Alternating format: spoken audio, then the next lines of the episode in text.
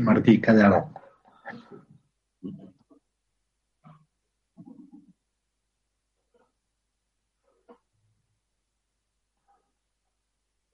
Secretari, sisplau.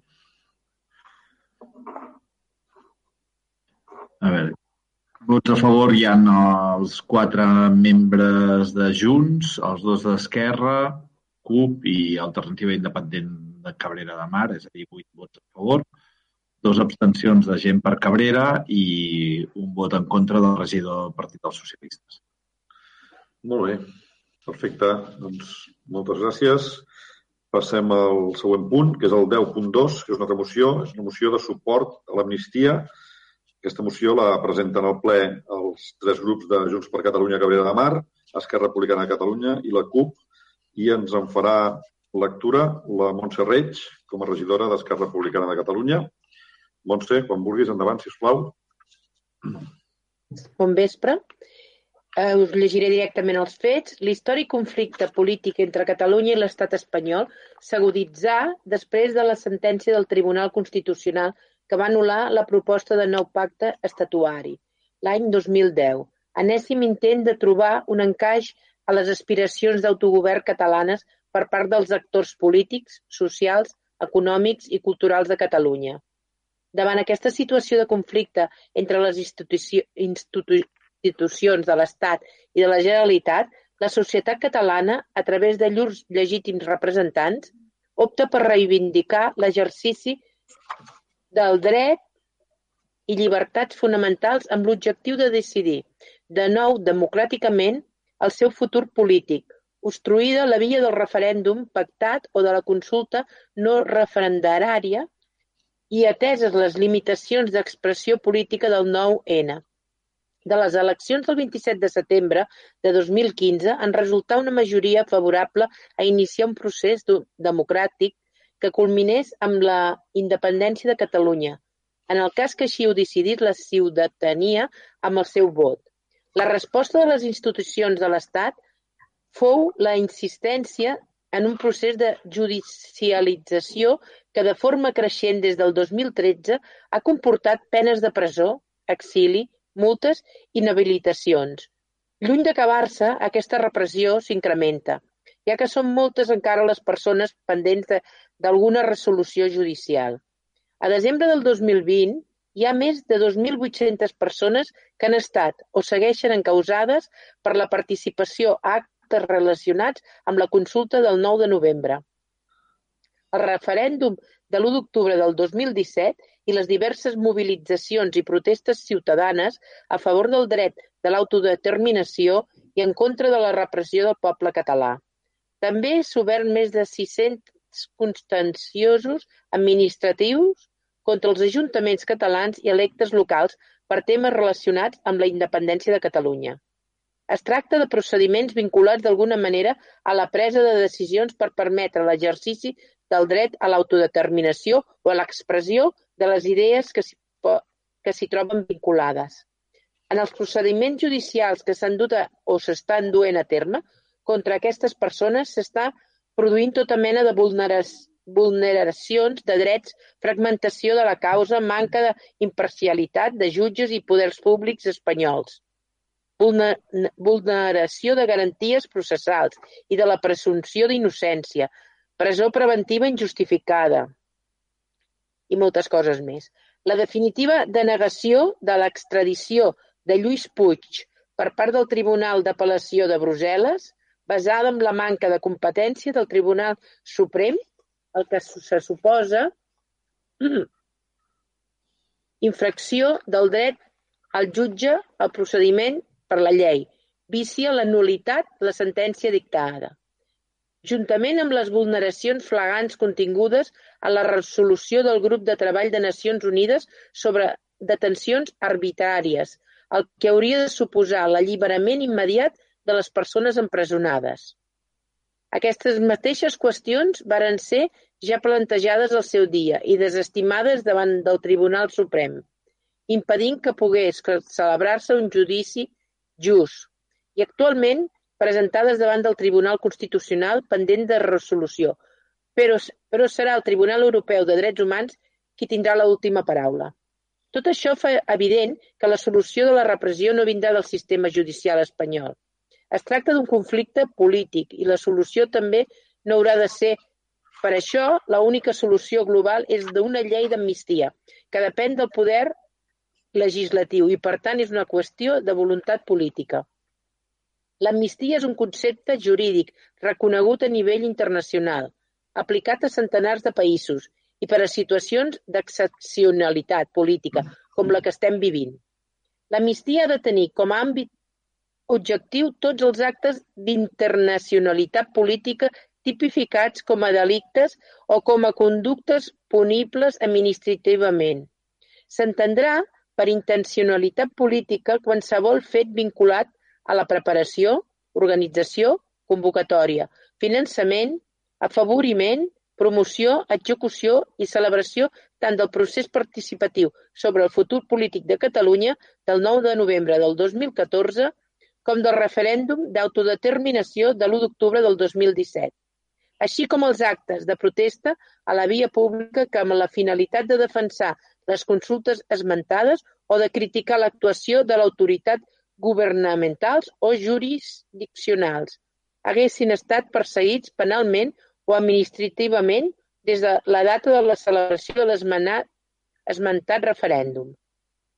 Així mateix, totes les manifestacions, expressions i simbologia a favor del dret d'autodeterminació, la República Catalana o la independència i el suport de visualització en tots els àmbits, a la llibertat dels presos polítics, o sigui, totes les accions que quedin emmarcades en el dret d'expressió, llibertat de pensament polític i llibertat de reunió i d'associació. L'amnistia és imprescindible per poder avançar en la resolució del conflicte polític, amb líders socials, polítics i altra ciutadania condemnada, investigada, represaliada. Judicialment no és possible un diàleg democràtic en igualtat de condicions entre totes les parts. Per això l'amnistia i el reconeixement de l'autodeterminació és la via per garantir la via democràtica que ens permeti avançar. Per tot l'esmentat, el grup, el grup municipal de Junts per Catalunya, Esquerra i CUP proposem al ple de l'Ajuntament les següents acords.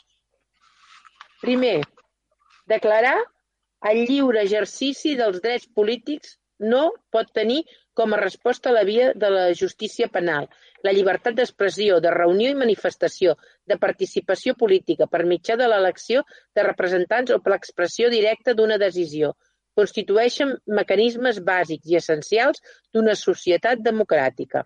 Segon, perdó, reclamar l'aprovació per part de les Corts Espanyoles d'una llei d'amnistia que, sense renunciar a l'exercici dels drets vulnerables, inclòs el dret d'autodeterminació, comporti l'extinció de qualsevol tipus de responsabilitat penal i administrativa, inclosa la del Tribunal de Comptes, per tots els actes i expressió d'unes idees, sentiments o símbols amb intencionalitat política vinculats a la lluita democràtica per l'autodeterminació de Catalunya qualsevol que fos el seu resultat, tipificats com a delictes o com a conductes determinants per responsabilitat administrativa realitzats des de l'u de gener del dos mil tretze i fins al moment d'entrada en vigor de la llei d'amnistia, qualsevol que sigui llur denominació i contingut.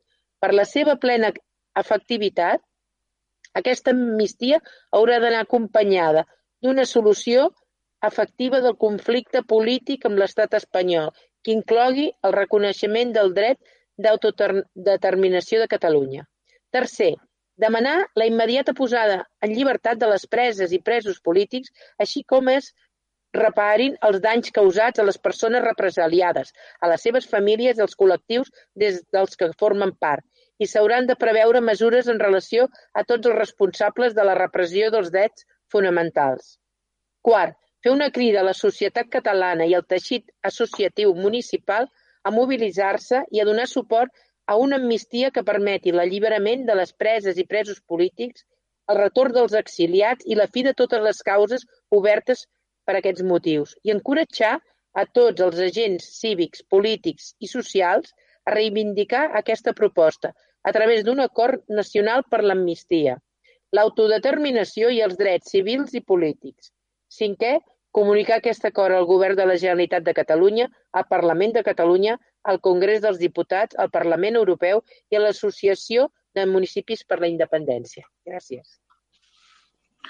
Molt bé, Montse, gràcies a tu. Ja, ara pots demanar un got d'aigua, eh? que te'l mereixes. ja el tens aquí, no? Molt bé, ben fet. Molt bé, donem la paraula als grups municipals. Comencem també ara per ordre de vots. Per tant, la portaveu de Junts per Catalunya, de Mar, Núria Pera, endavant. Hola, moltes gràcies. Bé, a mi, si em permeteu, a, a l'anterior moció he parlat que hem fet un retrocés de 300 anys, perquè així anàvem, hem anat de Felip a Felip. I els catalans, doncs, fins als Borbons. Això és el títol d'un llibre. Però bé, no, no és aquesta la qüestió ara, la que ens ocupa. Uh, mentre la Montse llegia aquesta moció, uh, m'ha vingut al cap uh, el fet que a mi em va motivar a entrar en política i us ben asseguro que era ben jove. Ara ja, ja, ja han passat molt de temps, era jove, era molt jove. I, i he tingut com una, també una anada al passat. Dius, ostres, què està passant en aquest país, no? Jo he recordat que cridàvem llibertat, amnistia i estatut d'autonomia. Us en recordeu o no? I tant. Doncs ara, doncs ara toca, perquè ja n'hi ha prou, llibertat, amnistia i independència ja. Ja està. I vinga, ja corre, perquè, escolta, de córrer havíem corregut molt, eh? Però ara corre endavant i ja n'hi ha prou. Bé, no m'allargo més, perquè això sembla... Vinga, gràcies. Gràcies a tu, Núria. Jo, jo recordo això que deies de llibertat, amnistia estat d'autonomia. Mira, si ho recordo, hauria de tenir 14 anys a un concert de Lluís Llach a Argentona que la gent cridava amnistia, llibertat. I Lluís Llach va dir, perdoneu, no us oblideu de l'Estatut d'Autonomia. O sigui, això hauria de ser els anys 70 i cap al final. Jo també hi era, jo també hi era. Era més grandeta per això. Bueno, això no ha canviat. La diferència d'edat sempre es manté. Molt bé. Gràcies, Núria. Donem la paraula ara a Gent per Cabrera.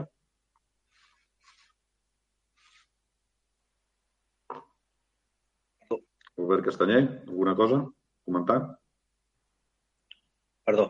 Res, tan sols subratllar el, el, el, el sentit del meu vot. Eh? Jo penso que possiblement el meu vot com a regidor eh, suma més abstenint-me que no votant a favor, com a nivell personal seria el cas. Eh, penso que suma més abstenint-me i, i explicant les meves motivacions que no votant a favor. Eh, res, tan sols remarcar que, que, de, que a favor de l'amnistia sempre. Eh? Jo també he anat a despedir el dia a la Pesada de Lledoners, al costat del Joan Boranit, eh? a nivell personal però repeteixo que si explico les meves motivacions com a regidor, penso que el meu vot suma més abstenint-me que no votant a favor. Eh, demanava abans eh, cita en Tolc. Eh, també recordava eh, unes, unes paraules que deia la, la periodista catalana Gemma Nierga, certament en un altre context, eh, que demanava als polítics ustedes que pueden dialoguen. Doncs això és el que jo els demano també. Ustedes que pueden dialoguen. Eh, I que no ens portin, com deia abans, a unes noves eleccions eh, escenari d'una possible derrota de l'independentisme i d'un mal, malbaratament d'uns recursos que no ens podem permetre. Eh, és, és tan sols això. Gràcies. Molt bé. Doncs per part de l'alternativa independent Cabrera de Mar, Francesc Caldés. Jo, jo en, remet, en remetro eh, al comentari anterior, votaré en consciència i ja està. Seguim els estatuts eh, que tenim aprovats com a alternativa independent que ve de mar. Res Molt bé. Gràcies. gràcies, Francesc. Per part del Partit dels Socialistes de Catalunya, Daniel Meronyo. Doncs jo, a diferència de la Núria, el procés independentista, en tot cas, el que farà és que deixi la política. Jo vaig entrar en política per la vella reivindicació de la lluita de classes, no? I l'altre ha vingut després i és una que estem estem aguantant, estic aguantant com tots els, com, com, com tota la gent no independentista d'aquest país. Vull dir que al final hem de pensar que ja la meitat de la població no està en aquesta línia i, com diu l'Albert, s'ha de parlar i s'ha de dialogar. Jo el 2017, a l'octubre del 2017, vaig votar, no sé, no, sé, no recordo si a favor o, o em vaig abstenir, d'una moció contra l'empresonament dels, dels polítics, llavors. Eh? Recordeu aquella espiral de tensió política, no? que, que, que ens van angoixar tots com a societat i que jo el, el que pateixo és perquè no repeteixi.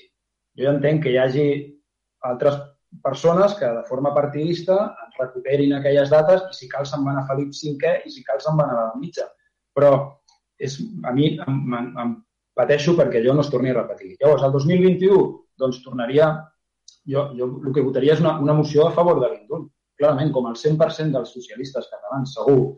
El que no votaria és una... No, el que no votaria a favor és, és, és d'aquesta moció o, o, o, per una amnistia com si no hagués passat res, com si no estigués passant res i com si no hagués de passar res. I, I no entraré a debatre qüestions jurídiques d'una opció o l'altra, perquè, com diu el secretari en el seu informe, el contingut de la moció tracta aspectes de transcendència constitucional al marge de la competència municipal, fet que podria contravenir l'ordenament jurídic vigent. I això no ho diu cap jutge del, del Tribunal Superior de Justícia, això diu el secretari de l'Ajuntament de Cabrera. Ho deixo aquí. Molt bé. Uh, bueno, jo diria, abans de donar la paraula a la CUP, només si em permet, Helena, un moment, que si el Parlament de, perdó, si el Congrés de los Diputados de l'estat espanyol no vol ni tramitar tan sols aquest tema, eh, estic molt content de permetre, digui, digui el que digui qui ho digui, que a l'Ajuntament de Cabrera de Mar sí que es pugui parlar d'aquest tema. Dit això, donem la paraula a l'Helena Carreras de la CUP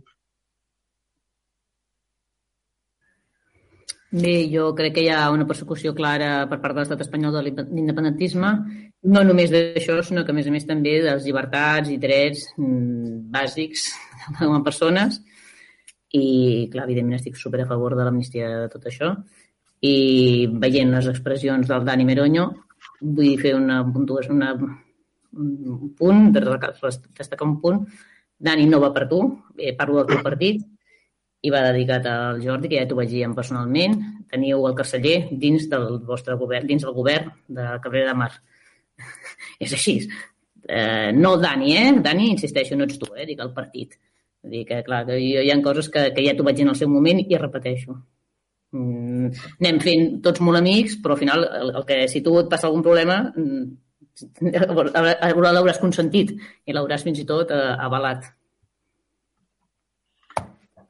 bueno, eh, igual que he intervingut, que no intervenir abans, també he de dir ara en defensa del Dani que està fent una excel·lent gestió i de la qual ens surt beneficiat tot el poble de Cabrera de Mar. Mm? Jo he insistit que, molt en que no parlava ni, del ni Dani. Ni parlem eh? a les reunions de govern ni parlem de, de política supramunicipal. Simplement, en el ple, els representants dels diferents partits doncs, tenen l'oportunitat d'expressar-se en temes d'àmbit també supramunicipal, perquè entenem que els municipis, home, no són simples gestors dels recursos que els assignen, sinó que alguna cosa poden tenir a dir en tant que components d'un país doncs, sobre tot allò que afecta a la població de cada municipi. No? Molt bé, doncs... Eh, Jordi, digues, insistit, digues. Jordi, he insistit molt que no parlava sí, sí. del Dani com a persona, eh? És dir, que no, no parlo d'ell, parlo del, del partit que representa, eh? Està entès. Molt bé, doncs eh, passem a votació d'aquesta moció, si us plau.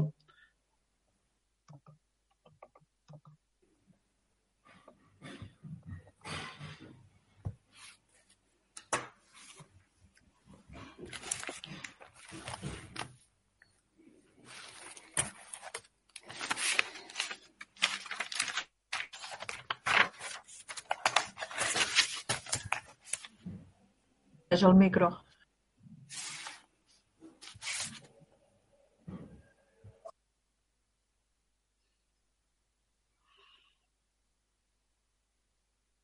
Secretari, sisplau.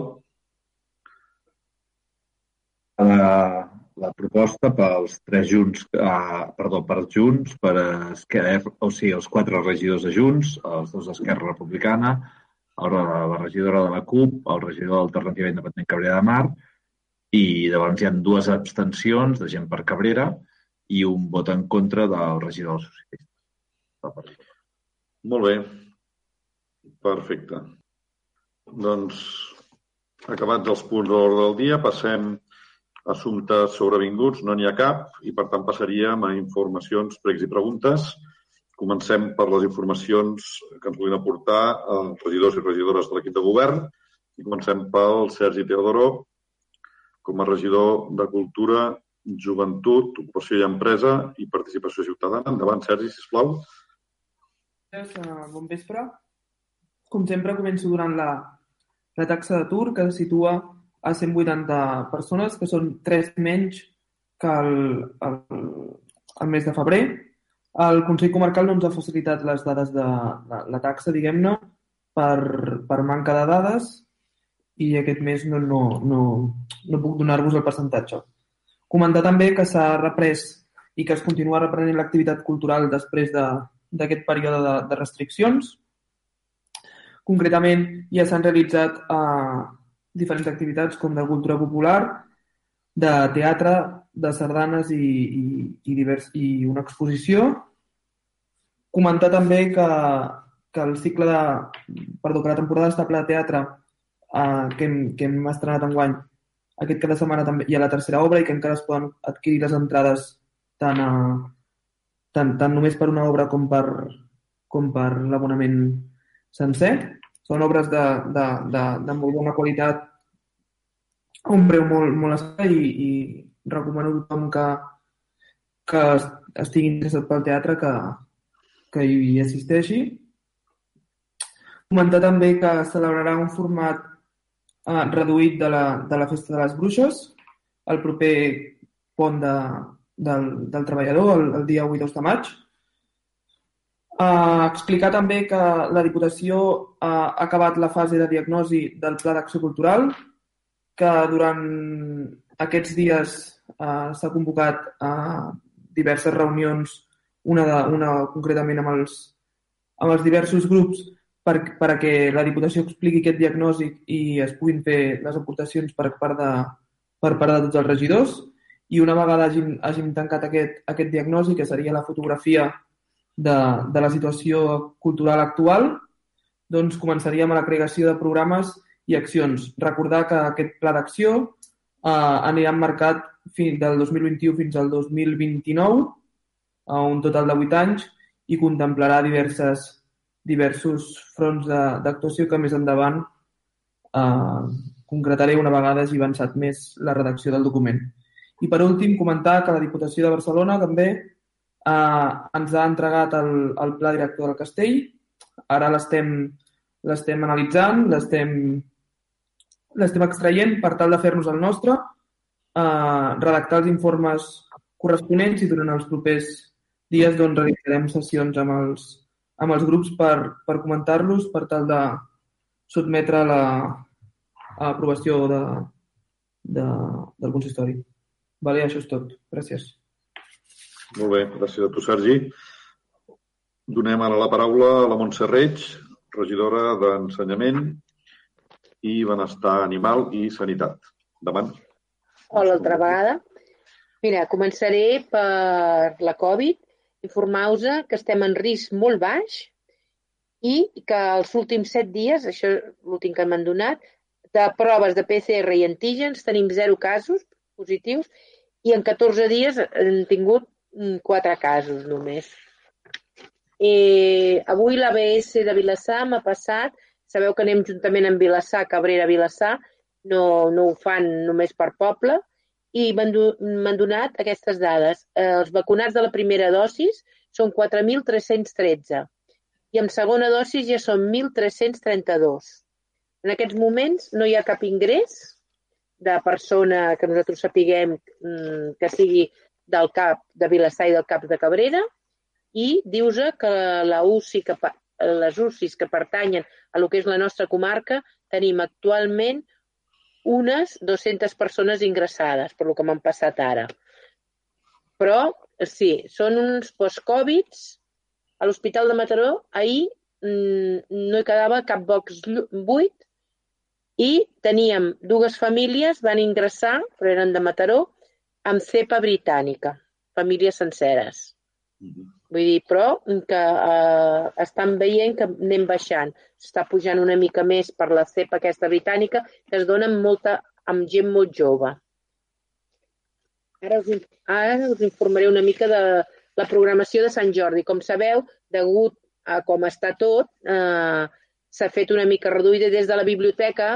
Com cada any sempre fem coses, hem volgut fer una mica de soroll perquè la gent se senti implicada. Ara mateix s'està presentant un llibre, bueno, ja deu haver acabat, eh, ja dintre de la programació de Sant Jordi, de la Carme Rovira. Ja m'he disculpat de part de tots perquè ens hagués encantat anar-hi, però teníem ple i no hi hem pogut anar.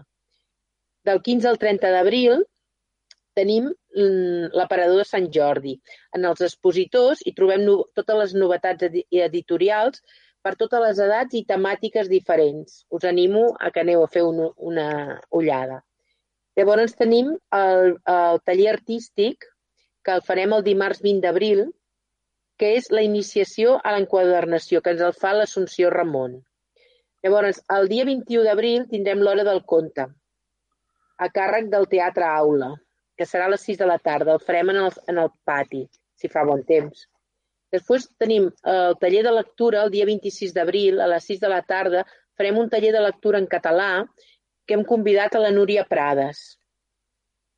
Llavors, el dimecres 28, a dos quarts de sis de la tarda, tindrem una xerrada a càrrec del Toni Marí, que serà les llegendes de la, serrada, de la serralada litoral.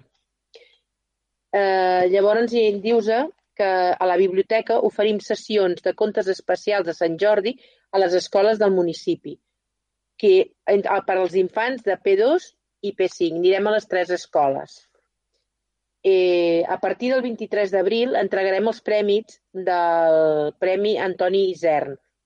Els donarem a la biblioteca, no farem res, farem que vagi venint la gent a poc a poc i anar-los donant. Ja ho penjarem a les xarxes i després ho donem a conèixer a la web de l'Ajuntament i ho penjarem al blog també perquè ho pugueu llegir el text dels guanyadors.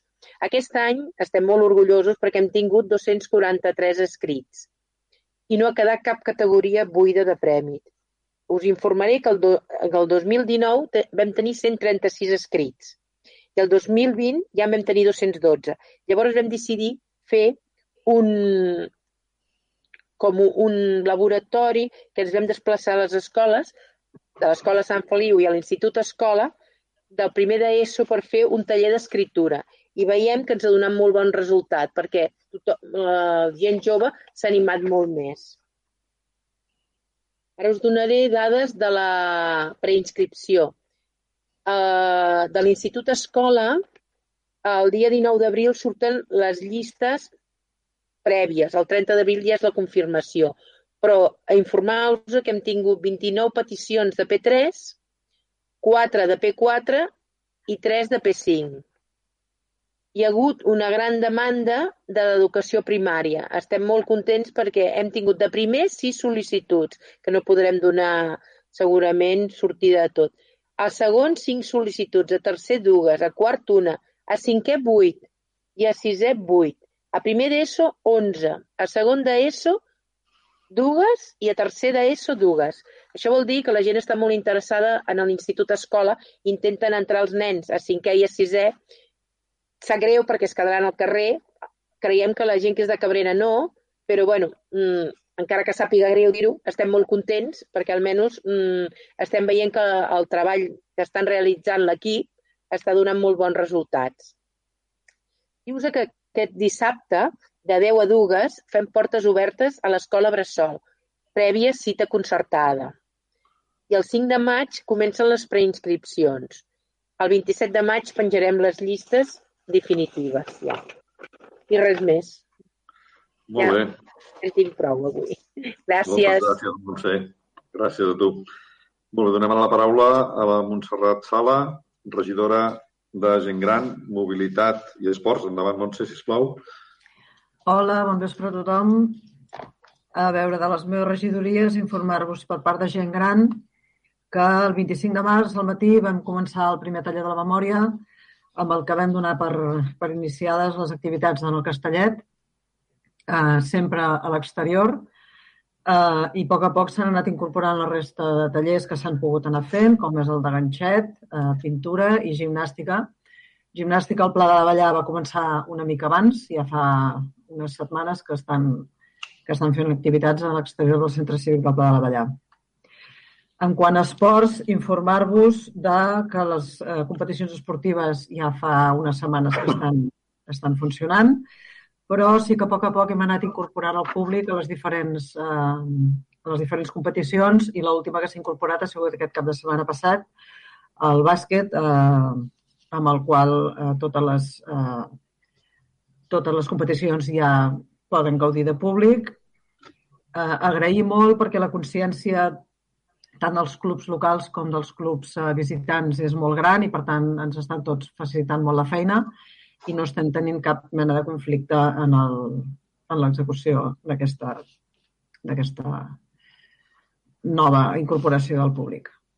També informar-vos que el dia 10 d'aquest mes la Federació de Natació, després de molt de temps i de molts esforços per part de tots, eh, ha donat la nostra piscina municipal com a piscina homologada per poder competir, amb la qual la nostra piscina passa a formar part de les piscines on es pot eh, fer activitat tant de natació com de, eh, com de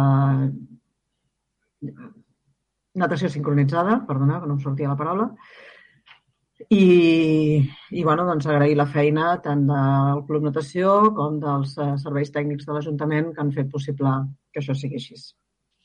I en quant a mobilitat, recordar-vos que el mes de gener us vaig parlar de que s'estava fent un estudi de totes les parades de la, de la nostra línia, el C16, doncs que a data d'avui estan restaurats tots els pals amb totes les eh, tires amb la informació i les banderoles totes noves, exceptuant la de Bonamar, que no es pot fer perquè està a mig de la Nacional i es necessita un permís especial per poder fer aquesta actuació i estem treballant amb això, però per la resta està tot fet i que arrel d'aquest estudi eh, s'ha pogut també ja que sigui una realitat la parada física de l'Institut Escola, que està ubicada a l'inici, a la cantonada, perdó, de l'Avinguda la, Borriac amb Ronda Catalunya.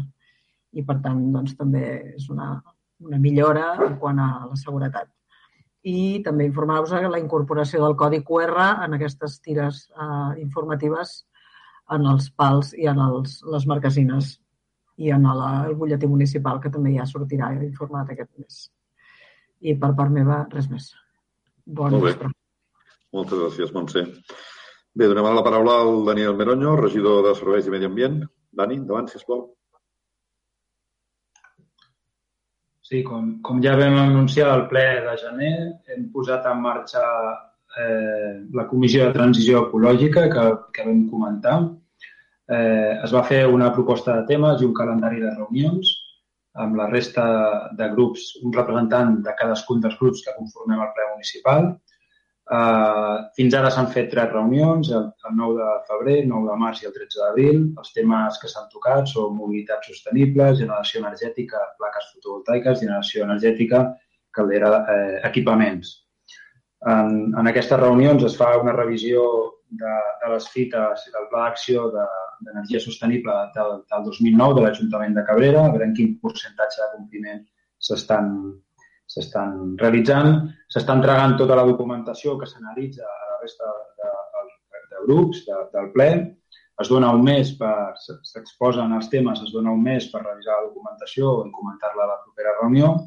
I bé, la idea és fer fins a nou reunions i cap allà a l'octubre realitzar, refer un resum, un recull de propostes i realitzar un dictamen de, de quines són les mesures que s'han pres i s'han consensuat entre tots d'aquesta comissió eh, de transició ecològica. Per altra banda, eh, dic el, el, el 7 de maig, eh, el marc del programa Let's Clean Up Europa, es, es farà una acció conjunta a les dues escoles de Cabrera de Mar eh, de neteja de Riera. Els alumnes d'ESO, de, tant de Pla de la Vallà com de Sant Feliu, com que tenen una part del seu programa escolar és una, una acció comunitària, doncs ho aprofitaran per fer una neteja de, en aquest cas, de la riera de, de Cabrera.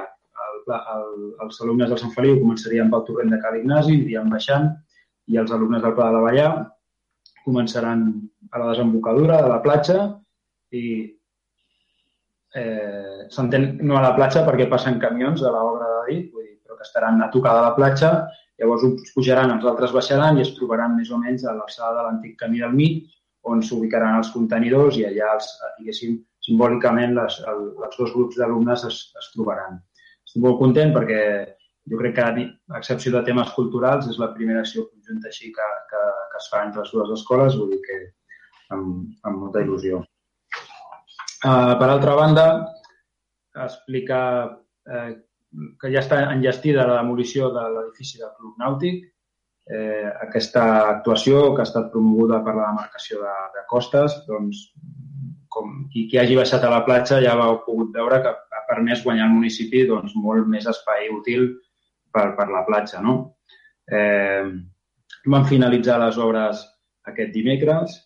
Una vegada ja quedat, va, va quedar retirada tota la, la part de la construcció que es trobava ja a peu de platja, eh, les últimes fases d'enderroc han estat els elements de fonamentació i, i uns dipòsits soterrats i eh, dir que després d'aquesta fase es procedirà a, a restaurar la, la platja de tram afectada amb aquesta voluntat de guanyar la major part possible de bany.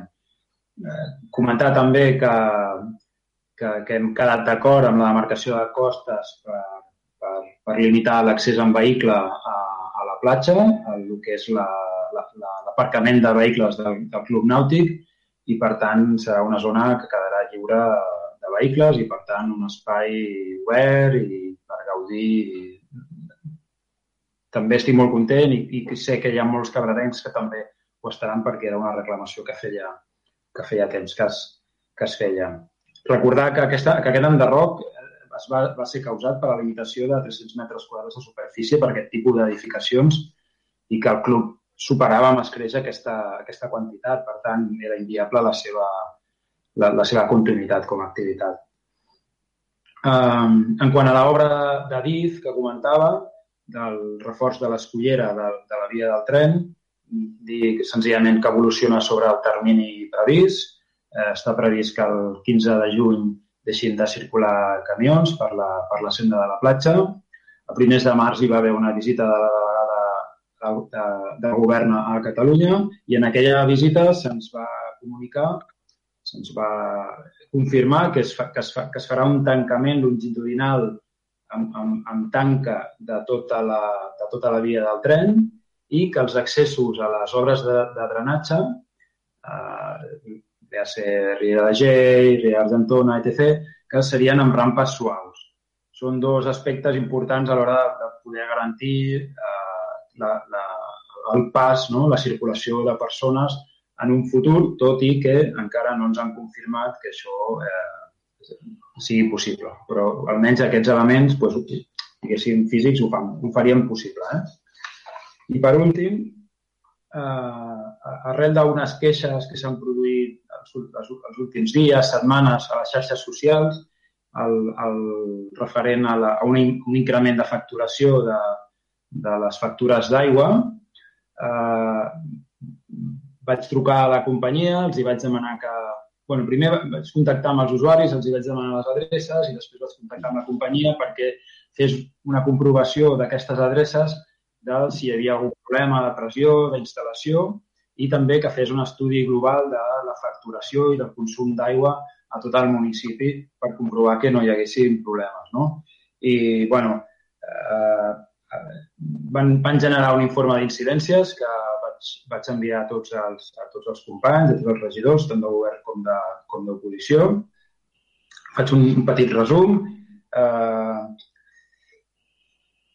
pel que fa a, la, a les queixes, um, la, gran, la gran majoria de reclamacions van ser després del període del, del segon semestre del 2020, eh, ja que a l'agafar la lectura real i descomptar les estimacions del primer període del 2020, els clients es van queixar de que l'estimació no era correcta. Recordem el problema del, de, del confinament eh, impossibilita que els, els operaris de Sorea puguin fer les lectures dels comptadors i en el, dels 2.300 abonats que tenim a Cabrera, el primer període es van haver d'estimar 1.783 lectures. Només es van poder llegir aquells comptadors que estaven fora, que estaven en via pública.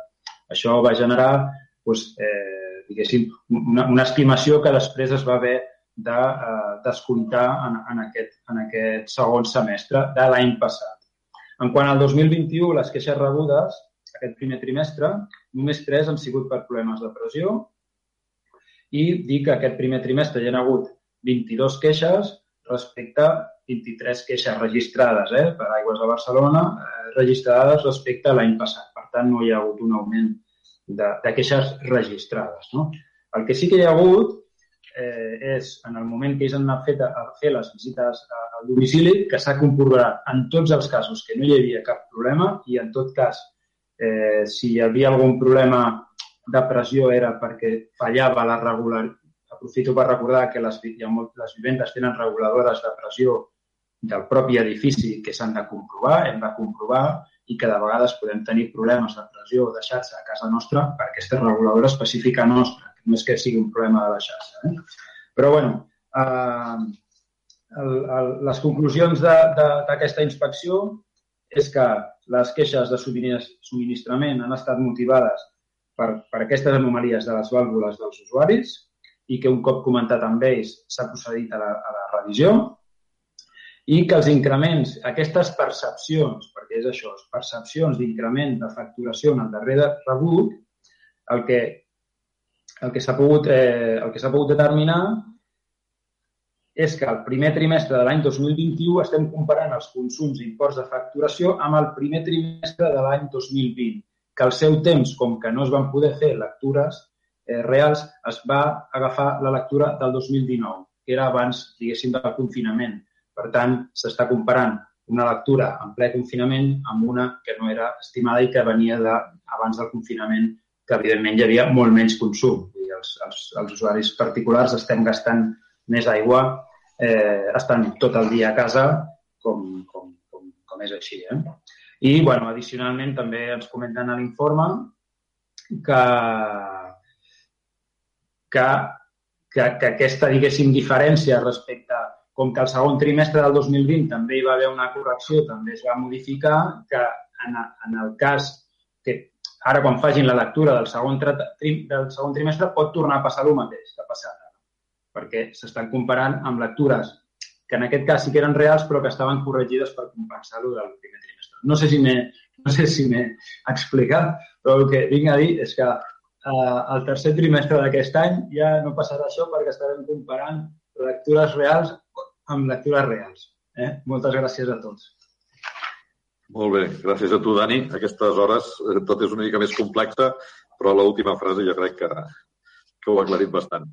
Molt bé, donem la paraula ara a la Núria Pera, regidora de Serveis Interns i Benestar Social. Núria, si plau, com vulguis. Sí, jo dues petites eh, informacions. Continuar i recordar que l'Ajuntament i tots els serveis que, que, que fem a l'Ajuntament de cara al públic doncs continuem atenent a, a, a tothom amb cita prèvia i el que han de fer doncs, és trucar o posar-se en contacte amb l'OH de l'Ajuntament i bé, doncs els atendrem. I, I em sembla que les cites prèvies es donen eh, pràcticament d'avui per demà o és bastant àgil. I després també informar-nos d'una qüestió important, que és que la Generalitat ha obert una línia d'ajuts eh, per lloguer, d'ajuts per lloguer per persones més grans de 65 anys. Es poden adreçar directament a la Generalitat per online o bé, bé el, el Consell Comarcal. De tota manera, jo recordo i faig una crida a les persones que estiguin en aquesta situació i eh, tenen la possibilitat de, de tenir l'ajut pel lloguer, doncs que es dirigeixin a serveis socials i allà els atendrem, els informarem, els ajudarem a fer el que eh, sigui necessari perquè puguin obtenir aquest ajut si és que els hi pertoca. Aquests ajuts, la data límit és fins al 30 d'abril Eh, per tant, doncs, jo crec que és interessant i, i fer una crida, doncs, això, a que ens puguem doncs, beneficiar o les persones que es, que es puguin beneficiar doncs, ho facin i posar-nos totalment a la seva disposició. Bé, doncs moltes gràcies. Molt bé, gràcies a tu, Núria. Donem ara la paraula al Carles Montner, regidor d'Urbanisme i Equipaments, perquè ens informis del que consideris. Carles, endavant. Bé, moltes gràcies. Mm, jo tres, tres cosetes. Una és que ja, que ja ho hem informat a través dels, de les xarxes de l'Ajuntament, ahir es va fer la, es van signar les escritures de propietat a favor de l'Ajuntament dels quatre habitatges eh, de protecció oficial de, de Calconde, de la promoció de Calconde, i ahir es va fer entrega de les claus d'aquests habitatges. El fet de que, eh, s'hagin escriturat ens facilita ja que la, a través de la Generalitat de Catalunya, del Departament d'Habitatge, es generin les bases, ens ajuden a, a generar les bases per poder eh, treure aquests habitatges a lloguer.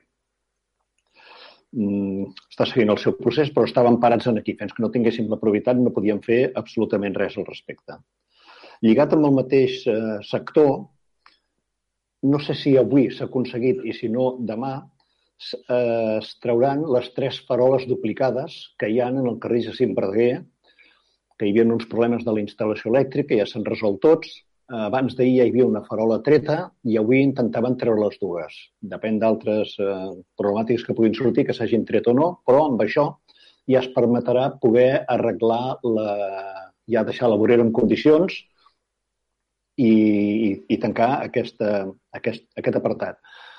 Ens queden encara totes les, eh, els, els forats que hi han, diríem, en el, en el carrer, que està obert perquè s'han de fer allà totes unes connexions que van lligades amb el, trans, amb el canvi del transformador de la CT, d'on està ara en el recinte de Calconde, i encara Endesa per allà té que passar un seguit de cables. Tot i que ja s'ha tret la terra que hi havia al damunt, i fins que, en la, fins que Endesa no faci res, posarem planxes allà perquè ens quedi, eh, diríem, més, més, uh, més acondicionat aquest espai.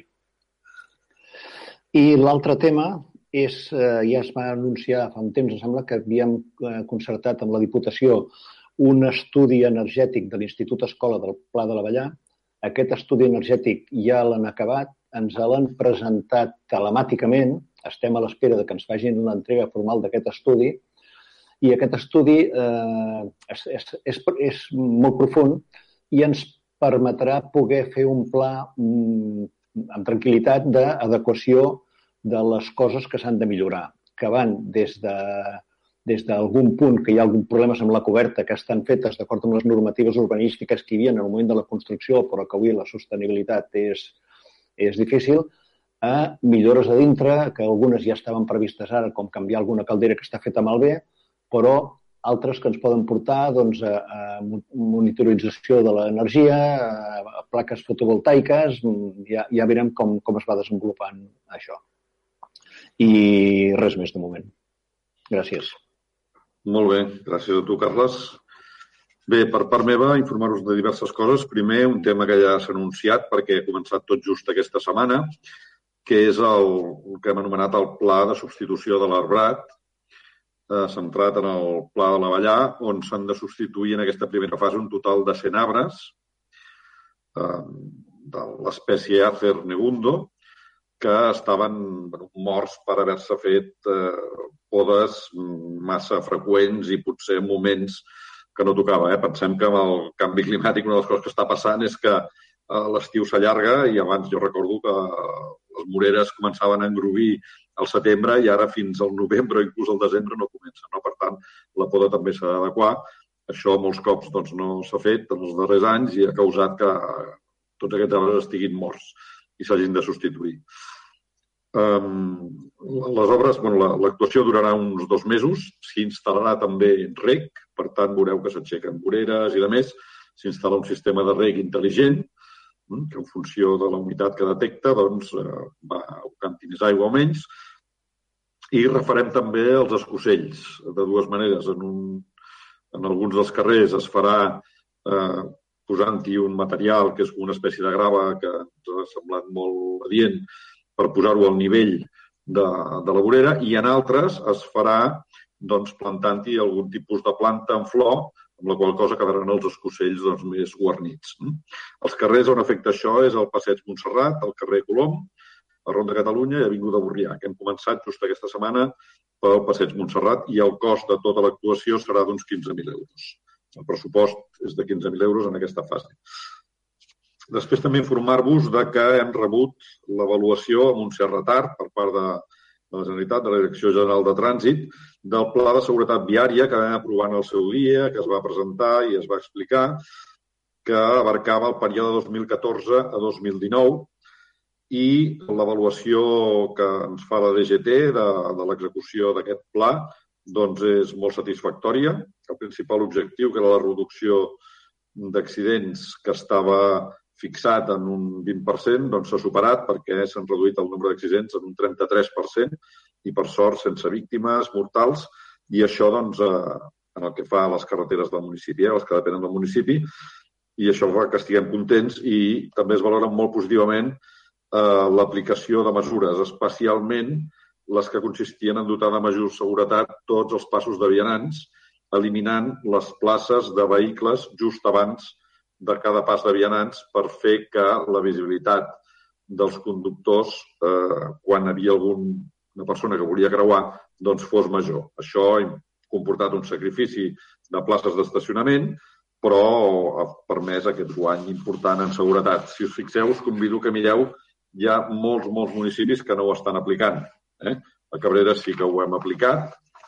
Queda algun lloc encara on s'ha d'eliminar alguna plaça, és veritat, d'estacionament, les anem detectant, però de manera molt àmplia veureu que allà on hi ha una línia d'estacionament en cordó, si hi ha un pas de vianants, just abans del pas de vianants no hi ha una plaça habilitada, sinó que hi ha un sabrejat o una línia groga. Molt bé, també informar d'un parell de coses més. Eh, ahir vam rebre la visita del jurat de Viles Florides. L'any passat no va ser possible per la pandèmia. Aquest any s'ha reprès. Viles Florides és un projecte, no és simplement un concurs, sinó que és un projecte que el que pretén és que els municipis doncs, s'engresquin de debò no en millorar només eh, l'enjardinament i les zones verdes municipals, sinó millores eh, pel que fa a la sostenibilitat en general. Eh? I el jurat el que ve és a fer una avaluació, mm, ens demana que li expliquem quines millores hem implementat, tot això s'ha de documentar, eh, vull dir, és, és, és rigorós amb la puntuació, i després es fa una visita al poble i es valoren molts aspectes, eh? tot el que té a veure amb el medi ambient, eh? pel que fa a residus, a gestió energètica dels equipaments, a formació eh, del personal, eh, i han valorat molt positivament el fet de que la Brigada Verda s'hagi municipalitzat, han valorat molt positivament la construcció o, o la reforma, perdó, de la Rambla dels Vinyals, amb implantació de més jardins més enjardinament, la substitució de l'arbrat, que ara tot just hem iniciat, etc etc. Esperem i aspirem a tenir la quarta flor. Eh? Recordem que estem amb tres flors del màxim de cinc. Inicialment, quan era tres flors al màxim, nosaltres en teníem dos, quan vam passar a cinc vam passar a tres i ara aspirem a tenir la quarta, que és el, el que tenen els municipis que més en tenen, que em sembla que no són més de 10. Ningú em sembla que en té 5 i alguns municipis de tot el país en tenen 4 i nosaltres esperem i aspirem a, a tenir aquesta quarta flor. I després, per últim, anunciar-vos que reprendrem un cop ja s'ha incorporat el secretari interventor doncs, eh, les comissions informatives d'urbanisme, obres, serveis i activitats i la Junta de Govern Local. I concretament començarem la setmana que ve, amb la primera convocatòria de les comissions informatives i eh, a la setmana següent iniciarem les juntes de govern local. Eh? Vull us voleu apuntar, ja la primera serà el dia 22 d'abril, que és dijous a la tarda, sempre fem dijous a la tarda perquè és quan estan els tècnics, eh? ja rebreu la convocatòria per les 6 de la tarda de la Comissió Informativa d'Obres i Serveis i després la Junta de Govern Local, a la qual hi assisteixen eh, regidors que estan designats per l'equip de govern serà el 28 d'abril. La primera sempre serà els dimecres a la I això és tot per part de l'equip de govern i donem ara la paraula als diferents grups que no esteu al govern per pregs i preguntes. Comencem per gent per Cabrera. Mm. Comença Albert Castanyer. Endavant, Albert. Gràcies. Anava a preguntar, una de les meves preguntes era per aquestes comissions informatives. Apuntaves que la propera la, la, propera la reiniciarem el 22 d'abril. La primera serà el 22 per... d'abril, sí. Crec que estem convocats ja per una reunió de cultura aquest mateix dia. Uh, no recordo si és exactament la mateixa hora, però no sé, no sé si era les 6 o les 6 i mitja. No, Sergi, però això és una decisió que hem pres conjuntament avui amb el secretari al migdia. Desconec aquesta reunió, Sergi, no sé Però bueno, ja ho canviaríem. Però és important fer-les aquestes del dijous a aquesta hora, que és quan estan els... I sempre era fix, eh? sempre ho teníem, els dijous a les 6. Eh? Aquesta, abans de que suspenguessin les comissions informatives, sempre ho teníem establert així el dijous a les 6 perquè és el dia que estan a la tarda els, els tècnics.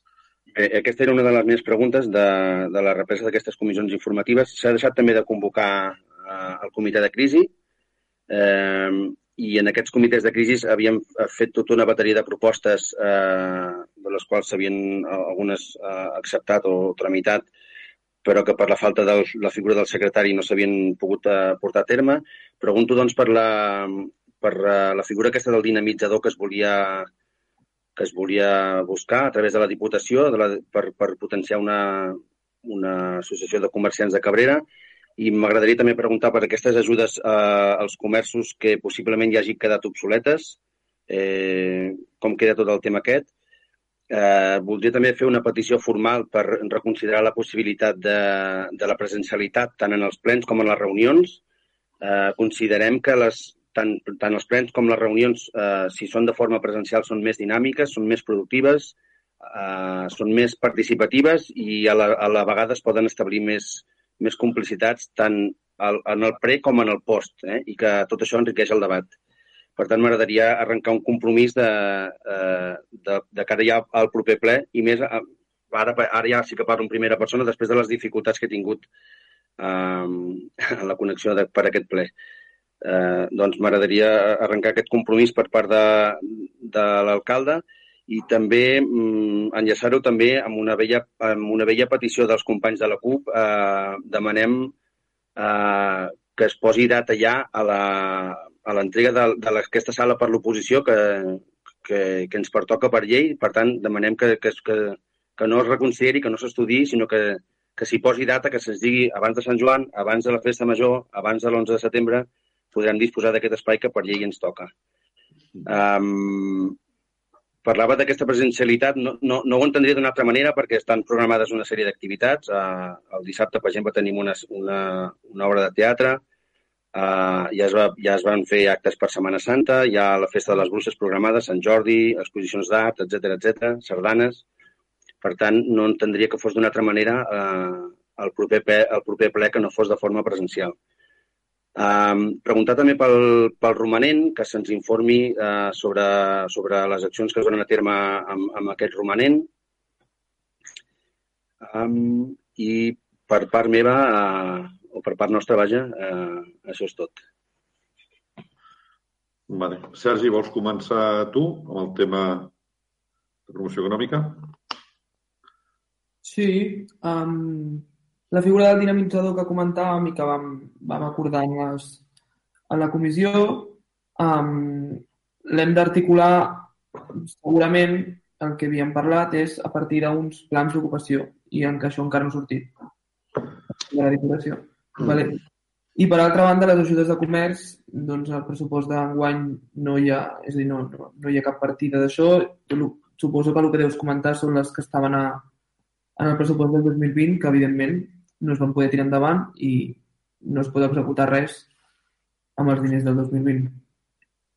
Això seria l'explicació general.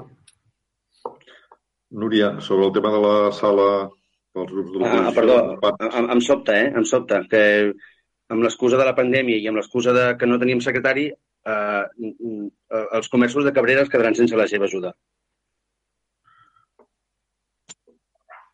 No, no entenc què vol dir que es quedaran sense la seva ajuda. L'any passat es va destinar, si no recordo malament, una partida de 35.000 euros, de la, de la qual no es va disposar, si no recordo malament, ni la meitat d'aquests 35.000 euros. Sí. Eh, Se'ns va convocar a, a, a un comitè de crisi en la qual vam, vam formular tot una, tot una, una, tota una bateria de propostes, mm. de les quals algunes eh, sembla ser que van agradar, eh, però que per, per culpa de la pandèmia o per culpa de, que, de, de la manca de secretari pues, eh, no es van poder dur a terme i, i tampoc es donen a terme, segons he entès. Eh, per tant... Un moment. La proposta última que va sortir era de fer uns, uns, uns vals, uns, uns, unes promocions de compra a 3, 4, 5, 6 llocs i tens un, un, un premi o entres en un sorteig. Estem parlant d'aquesta? Uh, bueno, jo parlava més concretament del tema del packaging que havíem proposat, però que, clar, que, que, que aquesta mesura ha quedat obsoleta perquè la van proposar, si no recordo malament, també parlo de memòria, uh, en el comitè de crisi convocat el mes de novembre, uh, sí. i que això ha quedat obsoleta ja. Sí. Un aclariment només per, perdona, Sergi, un aclariment per l'Albert, que potser no ho sap i, i de part serveix per tothom les partides de despesa no passen d'un any a l'altre. Les d'inversió, si van en finançament afectat, que vol dir subvencions o préstecs, sí, però les partides de despesa s'han de crear noves, no, no passen automàticament d'un any a l'altre. Vull dir que el sobrant de la partida destinada a foment del comerç a l'any 2020, que es va crear fruit de la Covid, no passa, el seu sobrant aquest no passa de manera automàtica a l'any 2021, sinó que s'hauria de crear nova. En el seu moment, quan es va plantejar això a la reunió, una de les darreres reunions del comitè de crisi, es va dir que el que sí crearíem era la eh, contractació de la figura del dinamitzador de comerç per la creació de l'associació de comerç, fruit de que implementar mesures des de l'Ajuntament sense la creació de l'associació de comerç mmm, doncs moltes vegades queia en sac buit perquè era molt difícil arribar a tots els comerços i a totes les empreses de Cabrera. Ho recordo perfectament que van així, això. Oi, Sergi? Sí. Va. Doncs vols dir alguna cosa més, Sergi, tu?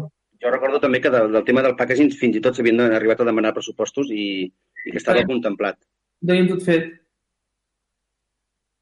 Ho teníem tot fet. I has parlat, perdó, has parlat, Jordi, en condicional, es podria contemplar, però vol dir que no s'ha contemplat aquesta possibilitat de crear aquesta partida en els pressupostos d'aquest any? Ja, ja es va explicar això, que no es contemplava. Es va explicar a la reunió i es va explicar en el ple de, de pressupostos. Sí. Sí, sí. A veure, clar, hi ha, hi ha... Ja es poden crear les que vulguin, però les, els condicionants eren els que eren.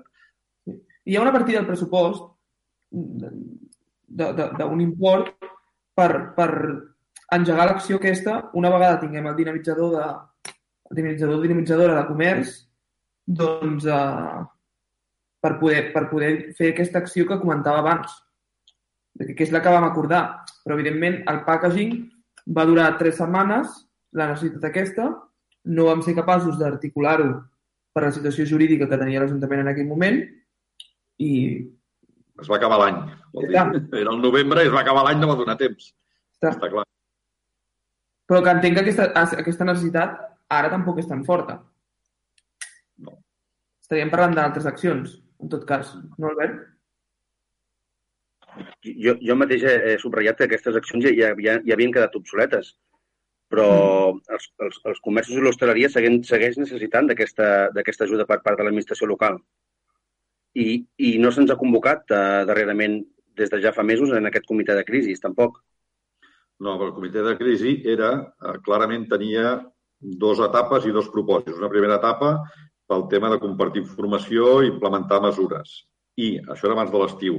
I a partir de l'estiu, un cop acabat l'estiu, a partir del mes de setembre, treballar el pressupost del 2021, que tenia unes circumstàncies molt específiques de decrement de certs ingressos i de més.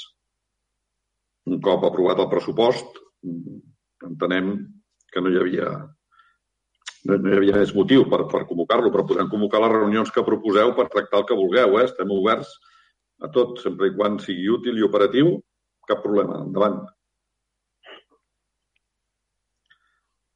Vale? Estem d'acord amb aquest tema? Núria, eh, contestes tu, si plau, del despatx. Sí, el despatx, que és una reivindicació, i, i teniu tota la raó, uh, jo crec que estem en disposició de poder dir que segurament hi haurà algun, algun despatx de l'Ajuntament que, que, que quedarà buit perquè des del mes de gener tenim llogada una nau a, a la qual hi ha d'anar-hi Gixa. Per tant, jo crec que d'aquest tema doncs, en podem parlar i us emplaço a que, a que ens reunim quan tinguem les coses clares. Ara, posar una data, Albert, mm, no m'atreviria a posar-la allò en rodonitat, però sí que jo crec que tenim, tenim bon auguri en aquest sentit. Eh? I, i, i, i m'emplaço doncs, a treballar-hi intensament i a deixar-ho i que i ens reunim i en parlem i mirem com ho podem, com ho podem fer anar. Mm. D'acord? Molt bé. Gràcies, Núria. Pel que fa als altres dos temes, eh, referent a la presencialitat, a veure, jo no em puc comprometre en plena pandèmia a que el proper ple serà presencial, Albert, com comprendràs, és impossible.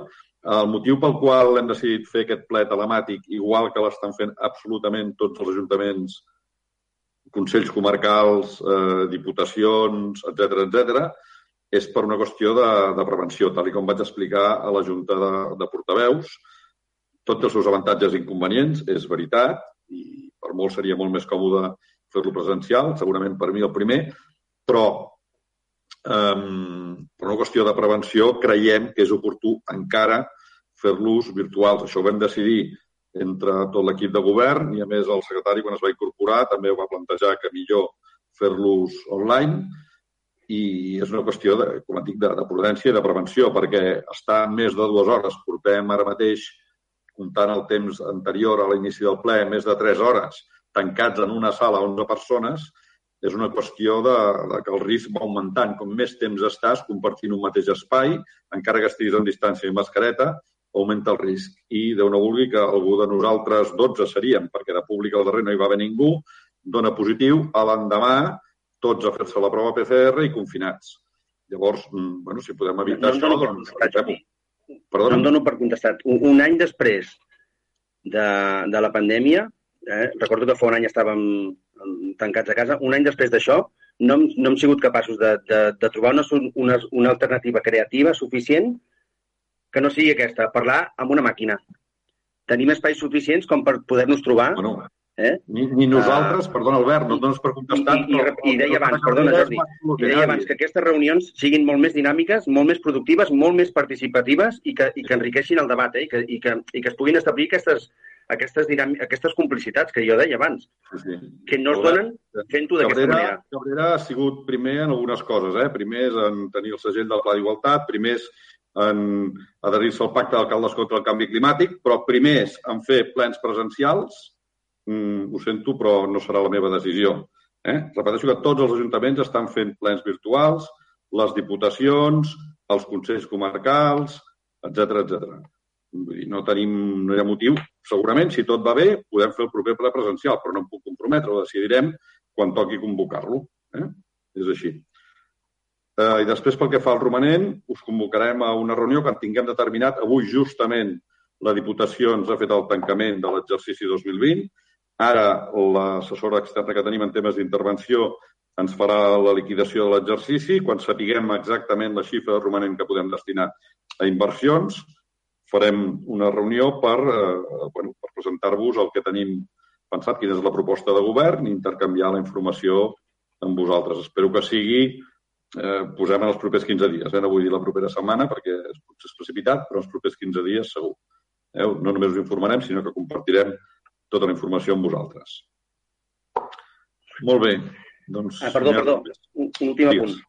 Um, llegíem aquesta, aquests darrers dies en xarxes socials uh, uh, un debat que hi havia i que, i que enllaço amb una notícia publicada a la revista municipal de Cabrera d'abril del 2020 en què l'Ajuntament publicava que iniciava l'erradicació de les activitats il·legals de la zona agrícola. M'agradaria preguntar sobre això també, sobre aquest article que es va publicar just fa un any i que, i que ha creat controvèrsia els darrers dies a les xarxes socials. Ah, doncs mira, aquesta controvèrsia me l'he perduda jo. Um, aviam, això està l'expedient incoat i de més, però eh, va quedar pendent quan va marxar el secretari el mes de setembre va quedar pendent de, bueno, d'haver-se publicat. Sí, sí, quedava l'últim pas, eh, només, de, de notificar-ho als d'això. Es va notificar en el seu dia, va haver al·legacions, i ara s'ha de, s'ha de caducar l'expedient anterior i reobrir-lo de nou. I així ho tenim previst, ho estan treballant des d'Urbanisme. Carles, no sé si tu tens alguna formació, sí. això ho anem seguint a les reunions que fem setmanals. No sé si hi ha algun canvi sí, respecte a la vegada que en vam parlar estem en aquest punt que comenta el Jordi per un tema concret. En el que comentes tu, Albert, que han sortit a les xarxes, totes aquestes eh, coses que arriben formalment a l'Ajuntament o, o, o que arriben fefaentment a l'Ajuntament s'estan eh, fet, fent accions. O s'han fet eh, accions de visites a través de, de la policia local o a través dels serveis tècnics veient el que hi ha i, i per incoar expedients on, on procedeixi incoar expedients al respecte. Més Sí, jo, no, jo no preguntava tant per la, per la polèmica a les xarxes socials, sinó que ho he utilitzat per introduir el tema de, de la publicació de l'article en a, a la revista municipal a l'abril del 2020. Sí, sí, perquè estava encarriladíssim i va quedar um, tallat per això. I ara s'ha de tornar a reprendre perquè va caducar, tenia un temps de concret, s'ha de caducar, un expedient anterior i reobrir-lo. Mm. D'acord? Vinga, doncs, eh, passem la paraula a Alternativa Independent Cabrera de Mar. Rics i preguntes. Senyor Francesc Caldés. Sí, eh, bona tarda de nou. Eh, un, eh, la senyora Montse Reig, eh, podria repetir les xifres que ha donat sobre vacunacions? Eren de Vilassar i Cabrera sumats, eh, Francesc? Sumats. No, no... Era de, de sí. l'ABS, no està diferenciat, Cabrera. No, I en no estem diferenciats. 4.300 i Va. escaig. Sí. Sí. Amb dues dosis... Espera, que t'ho dic No ara. amb una. Ah, perdona, li ho haig de trobar, eh? Perquè m'ho he posat aquí. Mira, la, la primera dosi la tenen 4.313 persones en data 14 del 4. I la segona dosi, 1.332. Va.